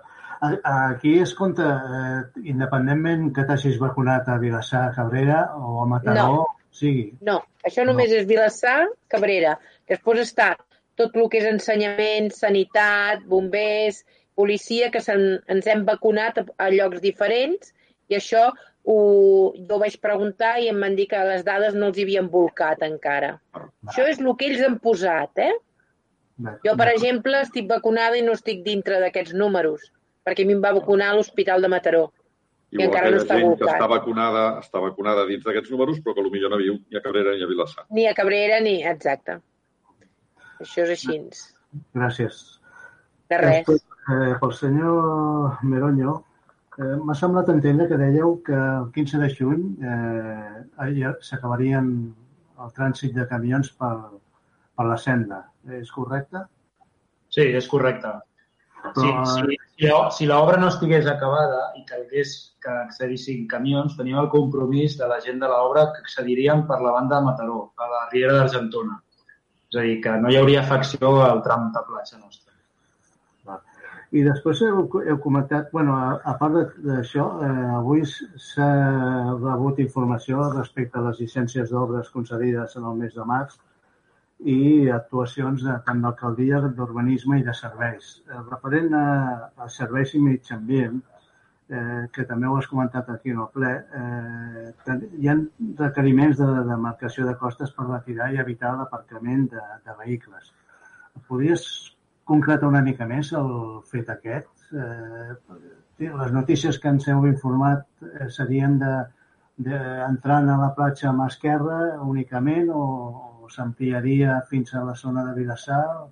T'explico, mira, això és, és, això és molt recent, eh? Vull dir, aquesta, aquesta setmana ens hem reunit amb la policia, serveis tècnics, amb GICSA, a veure de quina manera es pot configurar eh, el tema perquè eh, el mòdul de socorrisme i la platja adaptada segueix estant, seguirà estant aquest any, que és l'últim any del pla d'usos eh, 2017-2021, eh, aquest, el, el mòdul de socorrisme i la platja adaptada segueixen estant a l'esquerra, on hi havia l'aparcament.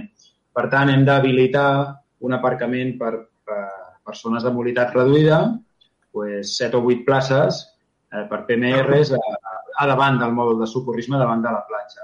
Llavors, aquest accés, el que hem, em- em- bueno, aquest accés el farem des de la pròpia senda. És a dir, que a girar a l'esquerra hi haurà un cartell que posarà que està prohibidíssim girar a l'esquerra, s'haurà d'anar a la dreta sempre, a excepció de les persones de mobilitat reduïda que sí que podran accedir per poder aparcar allà.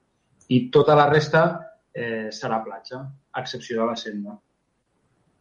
amb intenció de eh, extendre les dunes que hi ha fins al torrent del Molí. La idea és aquesta, crear una zona de dunes com la que ja tenim a la platja dels Vinyals. No, eh, gràcies. Eh, tenia també més cosetes, algunes ja s'han comentat, per tant les omitiré. I ja per últim, eh, eh, pel senyor alcalde, eh, tornant al tema del romanent, eh, sí, pel que acabeu de dir, doncs, pràcticament ens en anirem a finals d'abril, a principis de maig, que sabrem ja del, de l'import a disposar. Això afectarà amb alguna de les inversions que es tenien previstes, donat que, eh, segons se'ns ha informat en, en, en altres reunions, eh, té que iniciar-se i concluir dintre del mateix any? S'haurà de modificar aquesta llista que encara no coneixem en detall, però que, bueno, més o menys... Segurament sí, segurament sí. Això és una de les coses que han de valorar. Han de valorar els imports. Primer hem de saber l'import total i si cap totes les propostes, tots els projectes que estan pensats, i després, si s'han de descartar alguns, es descartaran en funció del risc que hi hagi de no acabar-lo dins de l'any, evidentment. Sí, sí. Serà un factor important. Bueno, i, I ja per últim, eh, quan tornarem a parlar del ROM? Del ROM? Sí. Bueno, a veure, el ROM, si us si recordeu, fa temps eh, us vam passar una proposta que ens va facilitar el secretari, ens va facilitar un esborrany, l'equip de govern ho va estar treballant, us vam passar la proposta als diferents grups perquè cada grup fes les seves aportacions també, i va quedar aturat perquè la CUP va dir que el procés per tramitar, per aprovar un ROM no era aquest, sinó que s'havia de començar des de zero tot, per dir-ho d'alguna manera. Eh, a partir d'aquí ens vam quedar també sense secretari i jo el que us vaig dir l'altre dia a la Junta de Portaveus és que convoqueu vosaltres la, la comissió aquesta, eh, que la CUP agafi la bandera aquesta i que convoqui la comissió per, per la redacció del ROM i que cada grup municipal que vulgui doncs, designi un representant i es, es reiniciï tal com diuen que ha de ser el procés de redacció del reglament, que la gent sàpiga que és el reglament eh, orgànic municipal, vale? que és el funcionament, regula el funcionament dels plens i de més. Delimita els temps d'actuació de cadascú, etc etc. Que jo, dit sigui de pas, ja us he dit sempre, eh? això perjudicarà a Cabrera de Mar. Però endavant, fem-ho així. D'acord, gràcies. A tu, Francesc. Molt bé, doncs donem la paraula a l'Helena Carreras de la CUP. Endavant, Helena, com vulguis. Hola, jo volia començar molt satisfeta de veure que els jutges de Vilaflorida han puntuat positivament la municipalització de la Brigada Verda. Veus com és bo municipalitzar de tant en tant?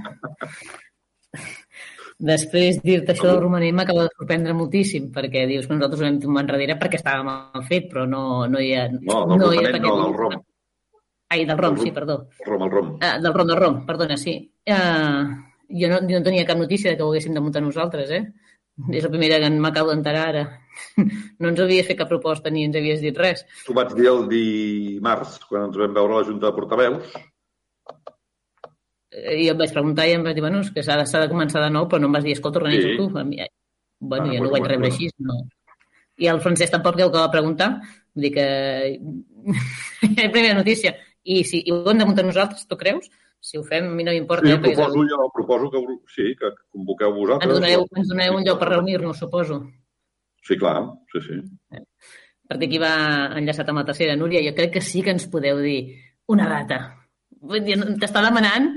Um, o sigui, per exemple, jo dic, abans de que passin dos anys del govern, ja podria sí que teníem una data per dir, si dius que es buida un despatx, doncs ja està, està buidat, un cop es Sí, però, buidi. però, però saps què passa? Que això no depèn de mi directament. Jo, jo no la puc donar la data quan, quan Gix se n'anirà en el, en el, a, la nou, a la nau. Però, de veritat, mm, tindrem despatx eh, més aviat que... Però no, no, és que no depèn de mi. Jo sí, Dos anys, fa dos anys. Sí, sí, no, no. però Esteu sí. dient sí, sí, sí, sí, però no acabem de...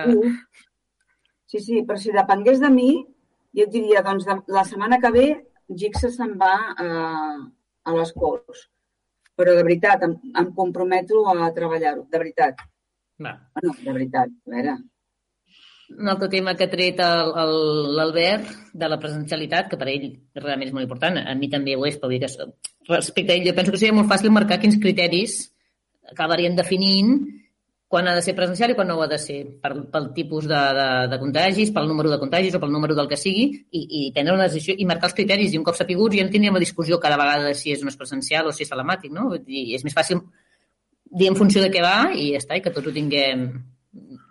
No sé, jo penso que les coses quan tenen una, una, unes regles són més fàcils de, de, de transmetre i d'acceptar. I no hauríem d'estar discutint que si ara sí, que si ara no, que si ara depèn de mi, si depèn de l'altre.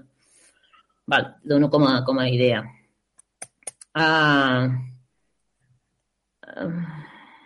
val, és parlat també el, el Carles de que ens han cedit ja els quatre pisos, que ja s'ha assignat els quatre pisos de, de lloguer i que estan esperant temes de la Generalitat i tot això. Bueno, esperem que, que, que ens passeu quin conveni hi ha per decidir quines són les condicions i quins són els, els, els lloguers que s'establiran, en base a què i, i tota, tota la part que, que, que tan aviat com ho tingueu, no? Sí, sí, evidentment, quan tinguem tot això en parlem. Sí, sí. Va, perfecte. Um, um. Després, Dani, eh, parlaves de les comissions de transició ecològica. Quan ens van fer la proposta ens va semblar ideal i vam dir, ostres, que xulo i tal i que qual, però després, a poc a poc, hem anat veient que són més informatives que no de participació. I a nosaltres ens agradaria més que ens presentés el tema i després anéssim allà tots a exposar el que nosaltres creiem i que després en allà es decidissin coses. I ara per ara el que hem anat veient és que bàsicament són que anem allà, ens informeu... Però això no ho admeto. No, no. Helena, no, no ho admeto, això. No. No, no. I, a més, i, a més, I a més et dic per què. Perquè està fet amb, amb tota la intenció d'exposar un tema per part, que no l'exposo jo, l'exposen els tècnics, s'explica que jo entenc, a veure, vosaltres amb tot el carinyo, no, no, no, esteu, no coneixeu la gestió, llavors se us ha d'introduir els temes. Sobre sí, sí, sí, evidentment. Això completament. Una introducció i una informació i una formació de dia a dia i de què està treballant l'Ajuntament és quan vosaltres podeu aportar. Això es fa en una primera reunió, se us aporta la informació, se us aporta la documentació, teniu un mes per estudiar-ho, per debatre, i a la següent reunió és quan feu les aportacions. Jo, més participatiu i més transparent que això, francament, vull dir, no sé què hi ha. T'asseguro que una comissió com aquesta, no, vaja, jo dubto que s'hagi fet. No, no, la idea, és, la idea em semblava... La trasllat de documentació i la transparència. A més, ho vaig dir a la primera reunió. Aquí ens despullem, vull dir, s'explica tot. I ens estem... Jo, de debò, em sobta moltíssim que ho critiquis. Més, vull dir, si, si, si no ens agrada, no estem còmodes amb aquesta comissió, tanquem, no, no és problema. Vull dir, si, si no, ha, no ha d'aportar res, no esteu contents, doncs fora. Vull dir, no, no, dir, eh, senzillament, doncs, pensar que era una manera de treballar oportuna, interessant, i, i però, no sé, a veure què en pensen els altres. Jo no, no que en penso jo primer, que és de qui em repliques. Uh, la primera cosa és que no, no, dius que et sorprèn i no et pot sorprendre, perquè tu m'has fet saber, en part a través de mails, t'ho hem dit, home, que creiem que va, que és informativa i que a nosaltres ens agradaria participar més. S'ha fet, fet saber perquè s'han parlat coses a les comissions que, que no s'han pogut aprovar o perquè no hi ha el Jordi o perquè no tal o el que sigui. Mm, nosaltres creiem que de ser més participatives en l'aspecte, evidentment, tu ens has d'informar, eh, i això ho trobo genial, però després d'aquesta informació la nostra aportació s'hauria de, de, de, de valorar i tenir més en compte i després, però no la nostra, eh, sinó de, de, tot el, de tothom que vulgui participar, eh, i a partir d'aquí prendre decisions. I jo crec que una miqueta en les vens donades i ja ens les expliques a nosaltres. Poso, per exemple, el tema de, del porta a porta que es va explicar, nosaltres n'hem hem estat parlant, tant, vull dir, ets conscient que n'hem estat parlant, no? Però vull dir que jo no crec que, que... Després també dius que estàs ofès per tot el que hem dit i totes les coses, però nosaltres és que... Uh, el, no sé, uh, crec que, que, que s'ha de, de, de donar no només informació, sinó després també deixar participar. I segona cosa que dius, que, que em molesta molt, que ja va fer-ho el Jordi en el seu moment, un altre, un altre ple també, i que en aquell moment no era regidora i ara sí que ho soc, és que quan no s'us agrada una cosa, quan s'us diu, bueno, doncs ho traiem i fora.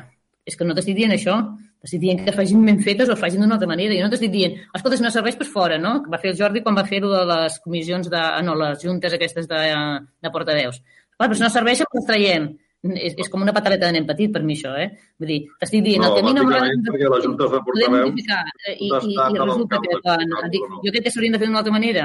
Uh, és, és una opinió que tu em pots dir, no, no, no hi estic d'acord, però que no em pots dir, escolta, doncs no t'agraden, doncs les traiem, eh? Perquè és un favor que us fem. No ens estem no, no, fent cap favor, eh? No, si un favor, és una informació per tot el poble. Helena, si creieu que no ha de servir, si creieu que no ha de servir, si no us agrada, no. Jo crec que és útil jo crec que és útil, que serveix, que us està informant i us esteu assabentant de moltes coses. Que no feu, que, durant, que quan passa un mes a la propera reunió no feu aportacions, no és culpa nostra. Home, després una altra, No ens ho diguis, altra- això, eh? Després una altra cosa, No ens ho diguis, això, eh? Després una altra cosa. Uh, aquesta comissió, tots els partits tenen eh, regidors del ple, menys un partit. Correcte. Quin és? Que ve sí? Ciutadà, quals, que ve un ciutadà que no és regidor del ple. Vale? I, I? Vull dir, això, I això ho veu demanar, dir, "Bueno, doncs d'acord, no hi ha cap problema. I, home, eh, que, no sé, francament, és que ja arriba un punt que, que ja no sap què, què, què ha de fer. No, i tu, tu, és que acabes de tu ara, informació com a informació és, és genial, estem molt d'acord, com a informació està superbé, però que també pugui ser que, que, que, que prenguin més decisions, no? que siguin més així. Bueno, jo és un, un suggeriment que faig i crec que és, que és bastant interessant, perquè mm, no sé els altres partits que no opinen, com ho viuen. Vull dir que potser ells també poden opinar ara i, i dir el que pensen. Val, aquesta és la nostra postura, el que creiem. Jo diria, penso potser el que passa és que a lo millor us pensàveu, amb tota la bona feu, dic, eh, que partiríem Mhm. de zero i resulta que hi ha moltíssima feina feta per part de l'Ajuntament que a lo millor es desconeixia. I No, no, això, teníem- amb tota la feina feta sobre la taula, llavors, hòstia, et trobes amb molta informació que quan et pensaves que millor no hi havia res. I resulta que hi ha molta cosa feta, molta cosa en projecte, molta cosa pensada a fer, i, i llavors això fa que Sí, guardi- home, uns partim d'un punt i vosaltres d'un altre. És això, eh? jo crec. Eh? Exactament. Això, això, eh, al revés, jo Clar, penso que això és molt favorable. El que no podem fer és destruir-ho, el que està fet Està Helena. claríssim i, i és fantàstic, eh? Vull dir que hi ha molta cosa que està feta i és fantàstic i és el que deia el, el Dani, és informació i em sembla genial. I que a mi que m'informin de tot el que s'està fent i ho trobo perfecte. Però que eh, les, fe- les, les, nosaltres quan ens la van transmetre ens vam pensar que eren més participatives i en el fons acaben sent informatives perquè són coses que ja estan molt treballades i que ja no hi ha, ja no hi ha opció de canvi. Una miqueta no, no, vinc no, no, això. no, no, no, està molt treballat i tant que ja... En què no jo penso que si s'ha de canviar gaire tot el tema del CAP, per exemple, ja no hi som gaire temps, perquè eh, si es vol instal·lar... Helena, Helena, deixa'm, Jordi, estàs, estàs, estàs barrejant coses, eh? Lo de, lo de residus no s'ha parlat, no, no ha sigut cap tema de que s'hagi parlat en aquesta comissió. Eh? Sí? Això va a part. Sí, no, no, no s'ha parlat. Eh, Ja s'ha parlat. I les plaques no, solars també, no, sí. No, no en la comissió, sí, les plaques solars, ja ho he dit, els temes que s'havien parlat. Eh, generació energètica, mobilitat sostenible, que també va venir la Montse Sala i va participar. No, també. no s'ha parlat perquè la intenció és parlar-ho al juliol. Com vols parlar-ho al juliol una cosa que s'ha d'implementar al, al gener? Aquí és el Helena. problema, el que et dic, que bueno, ja no dones opció que hi hagi res. Bueno, és que, clar, arriba un punt. Hem parlat dos vegades dels residus i hi ha la, la predisposició a tornar a parlar les vegades que siguin, però això va a part de la comissió. Vale? Això, això és a part. Vull dir, és un treball que s'està fent. La comissió per parlar-lo el mes de juliol, eh? Mira Bueno. tu, perquè em sembla que està. Jo diria que està per parlar-ho mes de juliol. Que en el, en el calendari que ens vas donar estava per parlar-ho mes de juliol, que vam dir, ostres, el mes de juliol ja se'ns en va... Ja, ja, ja no hi ha una opció de canvi. Val. Passo al punt següent. Uh, jo diria que també va per tu, Dani, perquè diu que, que s'han deixat de recollir, antigament la deixalleria recollia els plàstics uh, agrícoles i s'han deixat de recollir. I, bueno, una miqueta una de les mm, queixes dels, dels pagesos era que perquè s'havien deixat de recollir que els han de portar ells mateixos i que Això es discutia, perdona, Dani, no sé com està la situació, però això es discutia quan era jo regidor de Medi Ambient. Imagina, estem parlant de fa més de 10 No. anys. És que això no és veritat. Ja li vaig explicar al Genís, eh, Helena. Eh, I vaig fer la consulta amb el concessionari de la deixalleria i em va dir que no havia canviat la, la, la normativa ni els preus no havien canviat els últims anys. Que els plàstics tenen un preu i, i de fet, és que li vaig passar, li vaig No reenviar... de res, eh? Et parla de que els passeu a recollir, que ara... no hi ha hagut un canvi de criteri, de debò. I és més, eh, la concessionari no pot fer un canvi de criteri ni de preus sense l'aprovació dels ajuntaments. Li ha de demanar permís a Vilassar, a Cabrils i a Cabrera per poder fer un canvi així. Vull dir que és... És que és... no parlo... És que no t'estic dient de canvi ni de preus ni de, ni de requisits, sinó estic dient que abans passaven a recollir-ho i que ara els han de portar als pagesos. La diferència és aquesta, no els preus ni tot això. Eh? Vale, vale, això, això no sé quins anys estàs parlant, ho desconec. No, no fa massa, eh? Fins ara es passava la deixalleria a recollir-lo i d'un temps cap aquí ho han de portar els pagesos, el qual suposa pues, complicat, perquè es veu que genera molt de plàstic. Preguntem-ho, perquè potser és fruit de la pandèmia que hagin canviat això. Bueno, preguntem-ho, Dani. A veure, que ens Està doni bé. els motius. És una pregunta. Jo diria que ve d'abans, però bueno. Preguntaré, preguntaré. Que la deixalleria, eh? Arca. Arca, el concessionari de la Xèria, passa per les finques dels pagesos a recollir els plàstics? Ho pregunto. Passava.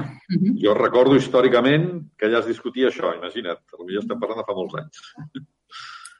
Vale. Després, eh, l'altre dia vam estar parlant a la Junta de Portaveus de la Sala Maresma i, i volia demanar-te si ens pots passar el conveni com, com, que, és, com, com estan pagant. Vas passar tot el procés de com estava la situació, però quin és el conveni que s'havia arribat, a quin acord s'havia arribat a, amb la Sala Maresma, aquest és el que no ens havia... De, no, no... Un conveni que encara està pendent de, de que l'aprovem per ple.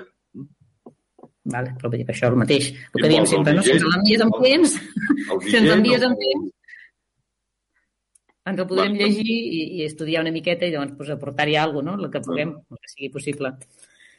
El tema, bueno, aquests temes ja te'ls vaig comentar. El tema Villa Bugatti, que hi ha unes al·legacions que es van presentar el mes de setembre i que després de vuit mesos encara no s'han respost i també trobem que és una miqueta, si més no, estrany. Això va pel Carles, que també ja li vaig comentar, no? Sí, sí. Bueno, estem reprenent totes les coses... Ho endarrerit, però estem reprenent totes les coses eh, que es van quedar aturades. I, evidentment, aquestes al·legacions s'hauran de respondre i s'està in, informant al respecte per poder-les respondre. I ja està. Ja vull dir, que ha passat tant de temps, no? és una cosa que té una miqueta de... No, hem estat sis mesos després- sense secretari. Ja. Ja, ja, ja. I després el sector de Can Carles, eh, bueno, jo també us vaig comentar a veure saber si s'estava parlant amb els veïns i que com estava una miqueta tot plegat, però sobretot si s'estava tenint en compte l'opinió dels veïns i la situació de, dels veïns que són la part que nosaltres creiem que està més afectada i el que se'ls ha de fer més atenció. I Bé, el sec- Vale. El sector de Can Carles també eh, s'està s'està treballant, està pendent de signar conveni amb la Junta de Compensació i per cap als veïns, mm, els veïns eh, eh, han fet reals, eh? ús. Què vols dir reals? Els que estan vivint i treballant en allà, em refereixo, eh? Els veïns que estan exercint la seva professió en allà, sense dir Els- noms. Vale, els que formen part del conveni. Bueno, per això, això és el que es tracta amb la Junta de Compensació, aquesta part. I és la part a la que es té que signar el conveni encara eh, amb la Junta de Compensació. Però la pregunta és si està parlant amb els veïns aquests afectats directament. S'està parlant amb els representants eh, de la Junta de Ja, Compensació. Ja, jo no parlo de No representants. No sé si parlat... No, no sé si se n'ha parlat històricament. Jo no n'he parlat encara. Bueno, doncs creiem que també que és un punt que s'hauria de fer perquè són els veïns que viuen allà. Sí, ho hem de fer. Vale, doncs ho, ho farem, I- cap problema, en prenc nota. Perfecte. I l'última cosa, Jordi, que ja, ja t'ho ja t'ho he expressat abans, és la, reiteradament ho diem i cada ple, i segueixo dient-ho, és la manca de documentació que ens arriba sempre molt justa, que pensàvem que aquest, que aquest justament aquest ple que s'havia endarrerit tot un mes, tindríem temps d'haver presentat. Ja no et parlo de, de l'escrit del secretari o així, sinó tota la documentació amb molt de temps i molt, molt maco i, i, i que, sisplau, agrairíem, ja dic, eh, ho diem cada ple i ho seguiré dient, que ens enviéssim com més temps millor i quan abans millor, perquè fins i tot el secretari aquesta vegada ha sigut fora de plaç i tot, vull dir que no, encara que tu em vagis dient que no, és així. Eh, bueno, ja et dic, avui n'hem rebut l'últim informe. Jo dit dir que no. No, no, dels informes del no secretari jo no, que no, no n'he de respondre. Jo no t'he dit res de, dels informes del secretari, jo no he dit res. Uh, Bueno, jo crec que sí que n'has de respondre, eh? perquè en el fons, quan es presenta un ple, eh, s'ha de presentar amb tota la documentació presentada i, i el ple convoques tu, no? Els informes del secretari d'intervenció no. Home, l'informe del secretari si forma part de la documentació necessària per, a- per poder provar les coses. Mm -hmm. Eh, clar, sense un informe no puc valorar si, si és correcte o no és correcte. Bueno, jo, dues coses. A veure, uh, les comissions informatives jo crec que ajudaran a que pugueu tenir informacions d'algunes coses abans, però, a veure, repeteixo, la documentació està estipulat que estigui a disposició dels grups de l'oposició en el moment que es convoca el ple. Si hi ha alguna documentació que considerem que necessiteu molt temps per uh, avaluar-la abans de la convocatòria del ple, us la farem arribar. Però més enllà d'això, ostres, no sé, tu, jo més proactiu en el tema d'informar-vos, de veritat que ja no puc ser. Estic al límit, eh? No sé. Ja està. Castanyer diu que no. Més coses que us vaig informar l'altre dia a la Junta de Portaveus. Mireu juntes de portaveus d'altres ajuntaments a veure què diuen. Sí, però a mi, jo, també, jo també recolzo la, la, la postura de la- de l'Helena. Eh? Eh, el fet de que s'hagi convocat el ple amb, amb un mes de, no? amb un mes de, de retard, eh, segurament hi hauria documentació d'aquesta que ja, ja estaria disponible. I, I, a més a més, s- són temes que segurament porteu treballant no setmanes, sinó mesos. Eh? I que, i que eh, en això l'Helena té raó, eh, nosaltres no tenim, no tenim aquesta documentació per poder preparar el ple, és a dir, en- ens arriba la convocatòria el dijous, eh, la passem als companys perquè se la puguin repassar el cap de setmana, esperem a la Junta de Portaveus per tenir tota la informació i, clar, eh, el temps és el que és i no... Segurament no, No. podem aportar tot el que, Ara, el el que ens, la tot el que ens agradaria. no En això té tota la raó l'Helena. Doncs jo discrepo absolutament i de manera rotunda. El que no podem fer és passar-vos informació que no és definitiva, perquè llavors direu, oh, és que ens ha canviat no sé què. Per exemple, Doncs, Jordi, de perdona, a mi, a mi el que em sobta és que en, en els punts del ple, si, si, si afegissi la coletilla, vist l'informe del secretari interventor, Mm. i aquest, i aquest informe no estigui redactat. Bueno, Ja, però això, eh, contesta-m'ho. jo? No, no, no, jo no t'ho he de contestar, això. Com, com s'afegeix aquest, aquesta no, no, no, coletilla? no, no. Com, No, és, no, no, és un copiat propostes de pegat, doncs, això, com la va? secretaria. Tot això ho fa secretaria, és el departament de secretaria. Jo no t'ho he de respondre, això, Albert. No, no, Home, no. sí que ets tu. Ets, tu que convoques el ple, No, tu ets no. el responsable. Sí, clar, jo convoco el ple, secretaria ens diu en quins terminis han d'estar els expedients per tal de poder-los informar, valorar, etc etc. L'equip de govern ho compleix estrictament i allò que no està eh, el dia que el secretari interventor ens diu, doncs no entra en l'ordre del dia del ple, salvo algun sobrevingut, que per algun motiu es consideri que hagi d'anar per sobrevinguts i, per tant, va al següent ple. Funcionem d'aquesta manera. Mm. Aleshores, la coletilla aquesta Greu. és gratuïta, doncs. La coletilla, vist l'informe del secretari interventor, eh, és gratuïta. Això ho posa secretaria. Perquè el secretari diu, aquí hi ha... dos- Sí, noi, bueno, que us ho expliqui ell un dia, tu, no has d'explicar coses No als, als altres, noi. Què vols que et digui? I a secretaria, Sí, sí. el- l'Albert. Secretaria secretaria? d'intervenció és el secretari interventor i dues persones que l'assisteixen ara mateix. Mm, És així. molt bé. D'acord? Vinga, molt bé, doncs marxem, que ja estem en horari de toc de queda. A més. Molt bé. Gràcies a tothom. Bona nit i fins la propera.